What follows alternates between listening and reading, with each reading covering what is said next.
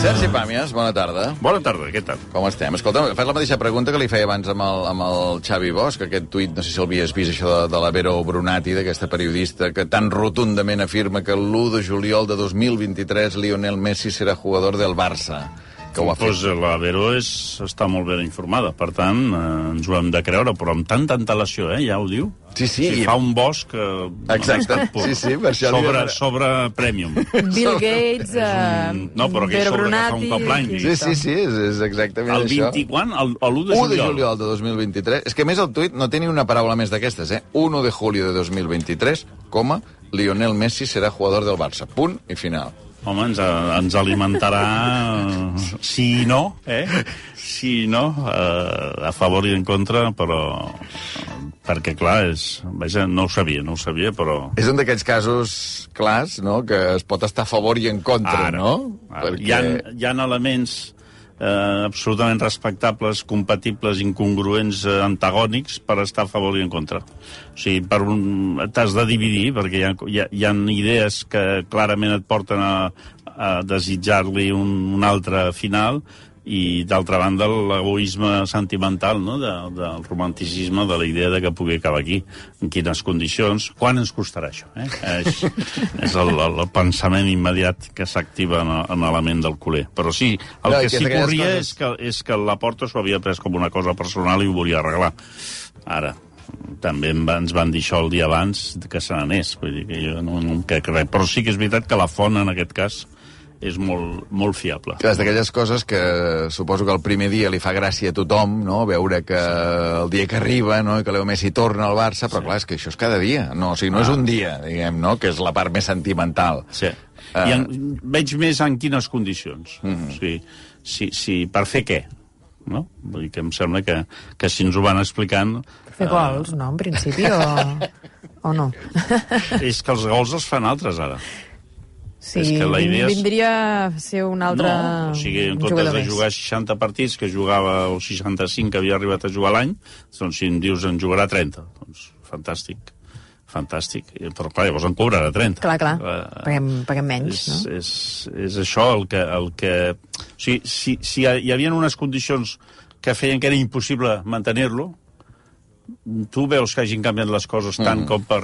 Vol dir que les... Les as- palanques han de funcionar, O, o o no les funcionen. aspiracions del jugador, un cop s'han assegut a parlar-hi, deu dir, no, no, el que preval guanyo tants diners fora del futbol que em puc permetre fer feliços els meus fills i donar-los... I llavors és com si no quadrés una cosa que, que... És a dir, en el primer moment que sembla que el barcelonisme, des de fa un parell de mesos, comença a aixecar cap i dius, comences a, a haver superat el dol eh, que hagi marxat sí, és Messi. Una nosa, és una nosa, és com aquella pel·lícula del Martin Guerra, no?, que to torna el, el soldat Clar. al cap de set anys, no? I... Clar, dius, ara aquí, Clar, clar, ara fas aquí més jo, nosa jo, que una jo altra m'he tornat a casar. Ah, exacte. Jo he tornat... bona, aquesta sí, sí, sí, clar, sí. clar, clar, jo, ara, que- jo ara penso, ja estic en un altre, dius, bueno, és veritat que no vam acabar bé, però per intentar acabar-ho... En fi.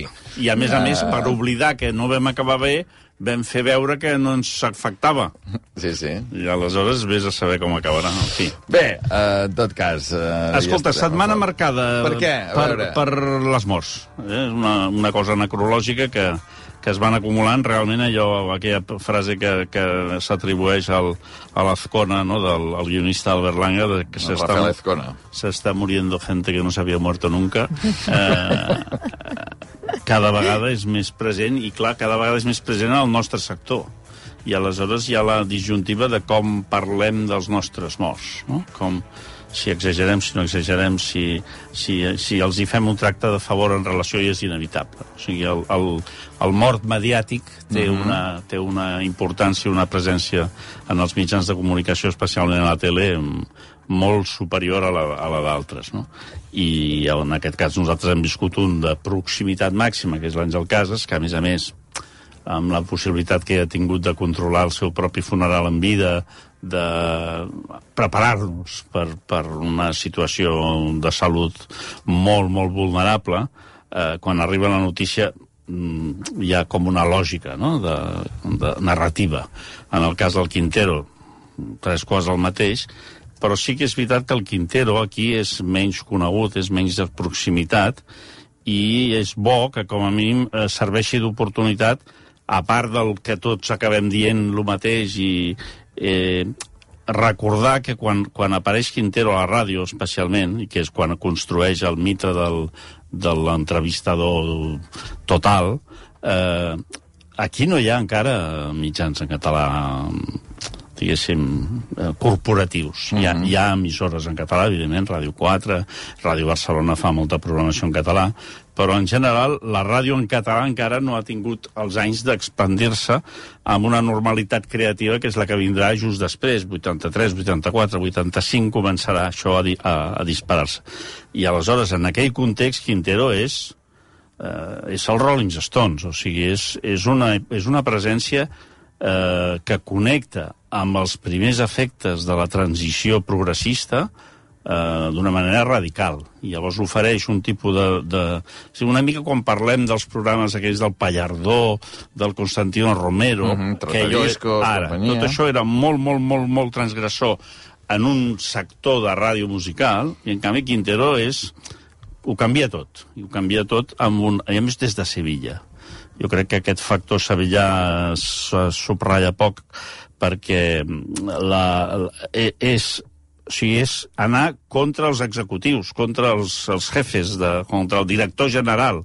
Eh, ell anava contra això, perquè tenia muntat una estructura molt peculiar, molt bohèmia, molt, eh, molt poc convencional, que permetia fer-li eh, unes entrevistes extraordinàries. Però dius anar contra el director general en el sentit que el director general el volia a Madrid. El volia a aquell home. Madrid. És a dir, això, primera condició, no, no, jo faré, faré tot des de casa meva, aquí, que tenim aquell edifici famós, Mhm. que, que no se sabia mai el que hi passava. I aleshores, clar, la, la, hem d'imaginar unes nits eh, radiofòniques en què, per exemple, i tot record, jo ho recordo perquè jo era altament consumidor, i jo recordo una entrevista a Fraga i Ibarne, any 80, per tant, no és un moment, diguéssim, no han passat 20 anys i Don Manuel, no.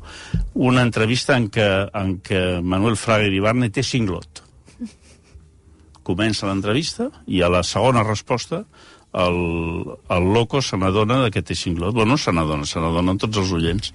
I aleshores aguanten 5 minuts amb el cinglot i al final el, el, el Quintero diu, mira, fem una cosa, quedem un altre dia passaven coses com aquestes. Eh? Eh, una altra entrevista que recordo de la mateixa època, eh, segurament segon semestre, segon trimestre del 80, una entrevista amb Dolores Ibarruri. Uh -huh. tu t'has d'imaginar Dolores Ibarruri, el mite de tota la Guerra Civil, eh, vestida de negre, arriba a la ràdio 12 de la nit, Sevilla, i, i ell li, li, li dispara d'entrada, li pregunta quines cançons li cantaven de petita per adormir-se. I es posen a cantar. I la Dolores es posa a cantar. Això passava, després li pregunta pel fill mort, etc. Però era un tipus de- d'entrevistador que és el que se subratlla, però el programa eh, tenia l'entrevista, però tenia una introducció, que era de 12, 13, 14 minuts, de vegades, en què eh, sobre la música de Pink Floyd ell feia eh, unes grans perroates eh, escrites per eh, Javier Riollo, per, eh, eh, per gent, eh, Raúl del Pozo, és a dir, grans eh, escriptors i guionistes que eren extraordinàriament joves i audaços. I després, les entrevistes, especialment quan ja va entrar en la fase televisiva, que era una fase molt d'èxit, amb molts, molts mitjans, molts per sobre dels que podia gastar, que era l'home que més gastava d'Europa, eh, ell, ell feia, eh, els convocava un dia abans i se'ls enduia per Sevilla amb, una, amb un cotxe de cavalls i se n'anaven a dinar i a sopar i a beure i tal, i quan arribaven al plató doncs eren germans de sang i estaven disposats a qualsevol cosa. Ja els havies tobat, no? I, havia per tant, ja- Però tot això ja no hi és. Ho dic perquè això també és una mica eh, Cases. Eh? El Cases també tenia un tracte amb els convidats. Sí, sí, que els anava a buscar a l'aeroport del Prat, el ram de sopar, flors, ara de tal, flors, sí, i llavors sí. jo me'n recordo que algun guionista, del qual no direm el nom ni el cognom, eh, havia sortit per Barcelona amb, amb, amb Robert Mitchum, no? I, i clar, això mm, abans de l'entrevista. Ja no et dic si van sortir després, però abans de l'entrevista sí. I llavors, clar, això et permetia tenir una proximitat i un nivell de Però això coneixement. més enllà de, de les virtuts i el talent, que evidentment tant en el cas de l'Àngel Casas i del Jesús Quintero el tenen tots dos i molt, Uh, també és fruit d'una època. Ara. És a dir, ara, encara que hi hagi un periodista que digui escolta, no, no, és que jo els acompanyaré... Jo crec que és impossible que... És una- impossible econòmicament pels mitjans que... És a dir, Mhm. ara ningú està disposat a pagar el que costava allò.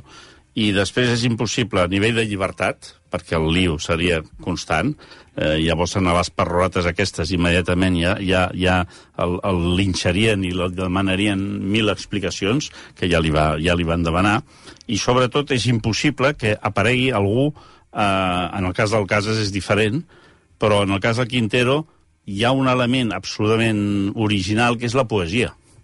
O sigui, el, el, el Quintero és un poeta i, i ve de la- l'admiració a Luis Cernuda i quan es fa eh, mànager del Paco de Lucía és perquè els coneix de les ventes i, i, i prové d'una cultura del flamenc i, de la, i, del, i del vers i tot aquells... Re, eh, això que després es va passar a dir frics, eh, ella eh, el treia de polleguera perquè ell deia frics és Cárdenas. És a dir, no és el mateix ratones colorados i perros verdes que frics. Eh? Frics és... Encara que algun No, personatge... no, eren els mateixos, Agafat, perquè era, eh, eren spin-offs d'ells mateixos. Exacte, era gent que sí, ja sí. no estava... Que, o sigui, que aprofitaven... El Risites, aquest, Ara, per exemple, no? Que, i que el, el Pofí, descobreix, diguem, i el el, Pofí, el Pofí, sí, clar, sí. clar, tot això són gent explotada i, a més a més, amb una certa imitació, de vegades, no? És a dir, el, el, el, el que fa el Quintero, des, depurat, sofisticat, vestit com una cosa... Eh, i després eh, tot això ve de la ràdio. I a la ràdio ja hi havia entrevistes amb gent absolutament... gent, gent, gent no coneguda, i després hi havia un moment en què ell rebia eh, cartes de la gent. Llavors llegia cartes amb el Pink Floyd. I una d'aquestes cartes la vaig escriure jo, Home... com oient. Eh? Vull dir que un dia... I ara ens la No, declamaràs. no la declararé No. perquè no ha quedat document d'això. O I sigui, saps què li deies? No, era una imitació, era una imitació admirativa d'un jove que des de Barcelona no, escoltava la colina tota la pedanteria aquesta del, de l'èmfasis aquest, doncs un dia estava escoltant la ràdio i dic, hòstia, però si aquesta és la carta que escric jo. Vull dir que, que també creava vocacions eh, radiofònico-literàries, poètiques, líriques. I va dir Sergi Pàmies? Recordes si va dir el nom? No, nom perquè no, cognom, no, o- no, no, perquè ho feia d'una manera que hem, hem rebut una carta d'un, mm saps? Ho feia, Sí, no hi deia de de. Valladolid o de, tal, de Barcelona. Eh? Nos llega de Barcelona. Llavors comencé a llegir però això ho Aquesta és la meva. Aquesta és la meva. Clar, evident, no vaig dormir, el típic. Que eh? però, però aquestes coses passen. Mira, o sigui que... eh, deixa'm afegir una, una batalleta amb el Quintero. Jo el vaig entrevistar una vegada quan al club, a TV3, Sí. a les tardes, i em va passar una cosa, que és que... Ent, clar, jo no vaig tenir ocasió de saludar-lo abans, diguem, allò que passa a la tele, estàs en un programa en directe, eh, el convidat entra a mitja entrevista, no el pots saludar abans, dic, eh, Jesús Quintero, entra a plató i entra amb unes ulleres de sol que li tapaven mitja cara. Això és un clàssic. I jo dic, hosti, penso, dic, ara, clar, és que jo penso, és que se li ha de veure els ulls amb aquest home. I li vaig dir, dic, ¿me dejas probar les gafes? I me les va donar, me les vaig posar, i diu, le quedan muy bien, se las regalo.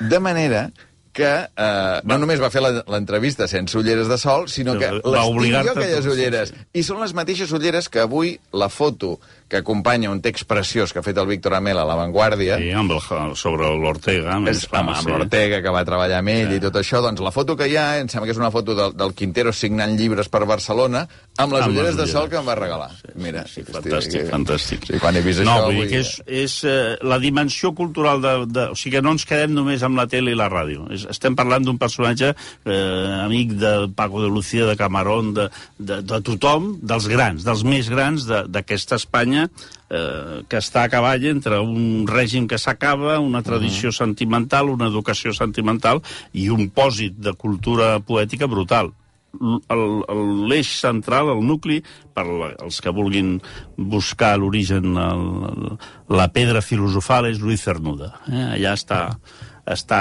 la meitat de les coses del, del Quintero estan allà. Eh? Per tant, bueno, és, és, un, és un personatge que, que està, està bé que recuperi. Hi ha molta cosa a YouTube, o sigui, la gent que vulgui veure com eren aquestes entrevistes famoses, i les entrevistes són molt, molt, molt uh, impossibles des del punt de vista actual. A vegades quan veus això de, del David Letterman, no? aquest programa que és tan sí. bo que estan fent a Netflix, te n'adones de que això s'ha fet s'havia fet, però eh, amb, amb molta més audàcia i, i molta més categoria eh, ho havia fet el Quintero. També és veritat que, era, que de vegades jugava aquesta carta, no? de, que no sabies bé si s'estava aprofitant de la debilitat humana o acompanyant-la amb, una, amb una gran capacitat de seducció. Eh? Però, però vaja, eh, dues grans pèrdues que passa això, que quan són dels nostres en parlem més, doncs sí, és, uh -huh. és veritat. És que no passi, són d'un altre sector, ah, diguem, ah, no? Eh, vull dir que això i passa una mica com quan es mor un periodista important d'una capçalera, doncs saps que hi haurà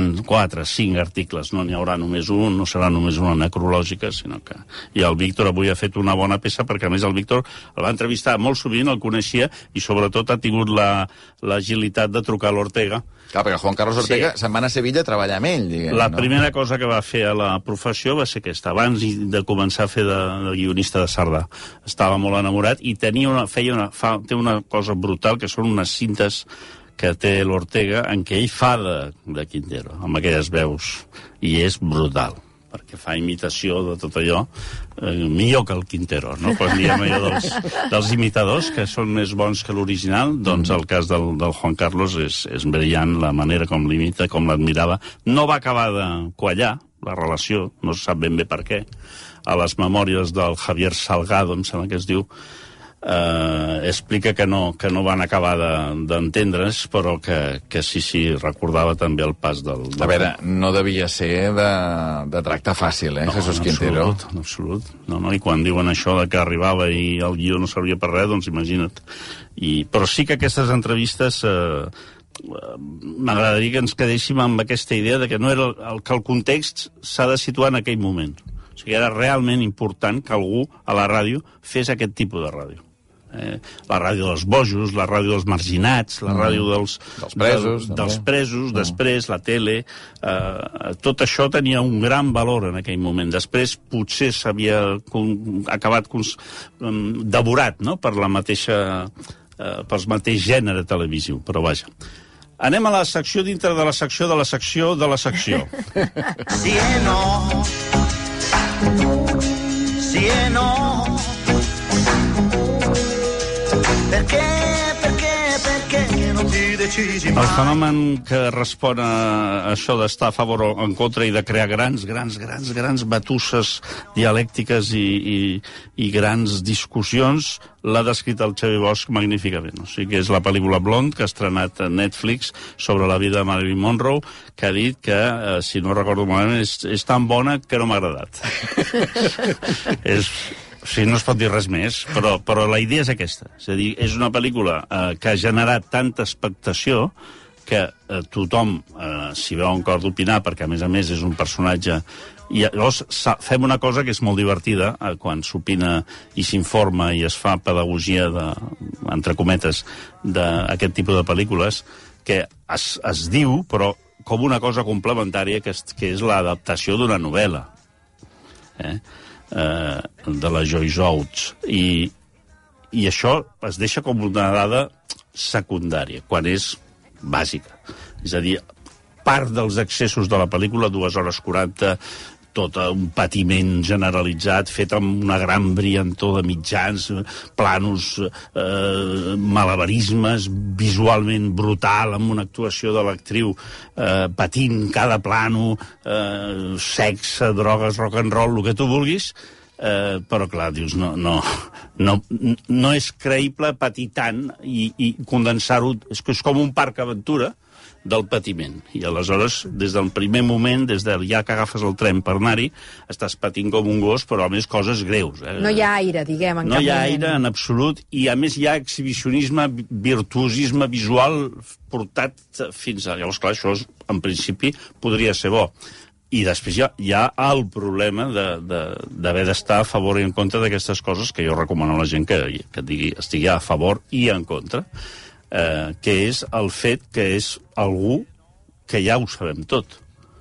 I aleshores la doble dificultat, no? Dius, vaig a parlar d'algú que ja és molt popular, que és això de, la, de les icones, en, en salto, que és l'adaptació molt fidel de la novel·la, és a dir, la truculència de l'autora és el que està present més que qualsevol que la biografia, i després presento una Marilyn Monroe per exemple, si l'he de mostrar en pilotes o, o en, una, en una situació sexual explícita, eh, ho, ho poso. Però, clar, la, una de les característiques del magnetisme i de la influència de la Marilyn Monroe és que la veies molt, veies molt poc. Mm -hmm. O sigui que la gràcia era... Insinuava més ah, que no mostrava. Bueno, per l'època, més que res. Sí, sí. Mm -hmm. I, I aleshores això salta pels aires, però salta pels aires a la novel·la, també. Per tant, és un cas claríssim, eh? però jo em quedaria amb la definició de Xavier Bosch, que és tan bona, és tan bona que no m'ha agradat. Que, que no m'ha agradat. Eh? Està bé això que has dit també de, de, que això passa amb altres pel·lícules i altres sèries també, no? Quan, quan aquest exhibir el, els mitjans, no? el virtuosisme ara, visual. Ara. No? I a mi, per exemple, amb, amb The Queen em passa una mica també això. Sí que, sí. que és dir, hòstia, eh, que són bons. O sigui, sembla com sí, si... Sí, sí, hi ha un narcisisme, no? Sí. De dir, ho, ho farem tan bé sí, sí. Que, que faràs oh tota l'estona. Sí, Què sí. passa? Que això visualment, sobretot, si barreja formats, barreja blanc i negre, color, eh, eh, cosa més de memòria... I, o sigui, hi ha un moment que dius, prou, prou, perquè eh, ja he vist que ets bo. Ja, ja, ja ho he vist, no? A vegades passa amb la cuina, no? Sí, sí, que cada sí. plat és una és, és d'una sofisticació que no, que no cal. I després el patiment, no? L'administració del patiment, que això passa a la novel·la i per tant és fidel. Altres fenòmens. Espera un moment, deixa'm, deixa'm que, que hi ha 11 del Barça. Eh? Home, Allò, home. Almenys que, que la Marta Ramon ens canti, perquè acaba de sortir l'alineació del Barça per aquesta nit pel partit que comença a les 9 del vespre eh, a Milà, des de les 8 de rac Marta Ramon, bona tarda. Hola, bona tarda a tothom. A veure, qui juga avui? Amb qui juga, Xavi? Doncs és l'11 que esperàvem, segons les pistes que va donar ahir a la sala de premsa, amb Ter Stegen a la porteria, amb tres centrals, Eric Garcia, Christensen i Marcos Alonso, quadrat al mig del camp, amb Sergi Roberto ben a prop de Busquets, i més avançats Pedri i Gavi, i al davant Dembélé, Lewandowski i Rafinha. Déu-n'hi-do, doncs escolta, uh, vol dir que Piqué no juga, no? que això era una cosa que ja, ja teníeu més o menys Exacte. al Departament d'Alineacions sí, sí, coll avall, no? avui que hi ha aquests, aquests centrals, i torna a jugar Marcos Alonso, que sembla que el tenim per les grans ocasions, eh? Sí, perquè recordem-ho, eh, va jugar contra el Bayern de Munic a l'Allianz Arena fent un gran paper i justament només havia jugat 10-12 minuts a, a Cádiz, per tant, sí, sí, s'aficiona als grans escenaris un Marcos Alonso que des de Munic no l'havien vist. Quin ambient hi haurà avui, Marta? Hi haurà un estadi ple? pràcticament eh, ple, ja comença a haver-hi gentet arribant als seus seients, hi havia molt d'ambient al voltant del Giuseppe Meats amb les samarretes Nero Azzurres eh, i la veritat és que, que fa goig i es respira ambient de, de nit important perquè tant Barça com Inter es juguen el seu futur a la Champions pràcticament en aquest eh, doble partit que s'ha convertit com en una eliminatòria. Us escoltem a partir de les 8. Marta, gràcies. Perfecte, fins ara. El partit a les 9 i des d'una hora abans, com sempre, la sintonia de RAC1. Deia, Sergi, altres, altres sí, coses mira, del món de la tele, eh? empalmant amb el tema futbolístic, el Filming han estrenat una sèrie que es diu Enemiga del Pueblo, que és finlandesa, uh mhm. -huh. i que té la, que, la característica de parlar de l'assassinat en circumstàncies misterioses d'un exfutbolista que havia sigut estrella del futbol finlandès i que havia sigut titular del Futbol Club Barcelona. I l'assassinat es produeix a Barcelona, concretament a Sitges. I aleshores... Però, la... jugador finlandès del Barça... No, no, però és ficció. Ah, és ah ficció. perquè, clar, perquè n'hi va haver un Litmanen, no? Sí, Ell era finlandès. Sí, sí, sí. Jari Litmanen, no? Sí.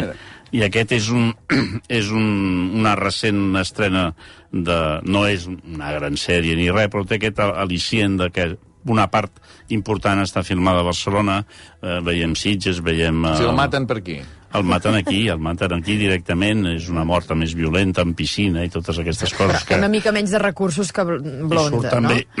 Sí, hi ha alguna, hi ha alguna actriu d'aquí, hi ha l'Aina Clotet, bueno, ja deu haver-hi algun tipus de col·laboració amb la producció d'aquí, però és una sèrie finlandesa, i és la típica investigació d'una periodista que ensuma que hi ha un cas de corrupció molt important i viatja a Barcelona per, per esbrinar. Repeteixo, enemic Amiga del Pueblo a Filmin. A Filmin. molt bé. Molt bé. M'agrada molt que et repeteixo, perquè quedi clar que no, sí. escolta'm, si. He fet una cosa que no ho havia dit, amb la qual dic repeteixo d'una cosa que no, No, havia dit. sí que ho havies Sí, dit. sí, sí, que ho havies havies dit. Això és sí, un, sí. era un gag que, No, que no. fèiem abans a la ràdio, que dèiem repeteixo coses que no havia dit. I tant que ho havies dit. Sergi Pàmies, doncs escolta'm, ens quedem amb aquesta història de, amb el Jesús Quintero, de saber que un dia el Sergi Pàmies li va escriure una, Una carta, carta. i que el Jesús Quintero... Ho va llegir. La va llegir. La va llegir. Ara- quin ara gran- troba-ho. Potser el millor moment mediàtic de la de meva la vida. teva vida, sí, sí. Segurament. Una abraçada, Sergi. Salut. Ara tornem.